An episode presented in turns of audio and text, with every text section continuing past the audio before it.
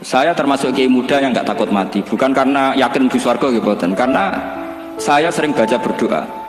Allahumma ya Allah kata Rasulullah kamu harus berdoa ya Allah ij'alil hayata ziyadatan li fi kulli khairin wal mauta rohatan li min kulli. Mungkin sekarang kita ada zina, mungkin sekarang kita ada korupsi, mungkin sekarang kita ada maling, tapi potensi itu tetap ada. Yang bisa ngakhiri itu apa? Kematian. Maka anggap saja kematian itu rohatan li mingkuli syarin. Semua mengakhiri semua keburu keburukan. Kayak apa Rasulullah memandang kehidupan? Kalau kamu masih hidup, anggap saja ziyadatan li fi kulli khairin. Saya gara-gara hidup saudara no kersane Pak Rosid ngaji di sini. Ikhlas Pak Rosid itu sangat ikhlas.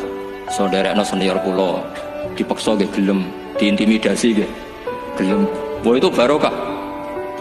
Nanti setelah saya mau mati, pikiran saya juga akan ridho-ridho saja. Ya Allah, ini akhir dari segala potensi keburukan saya.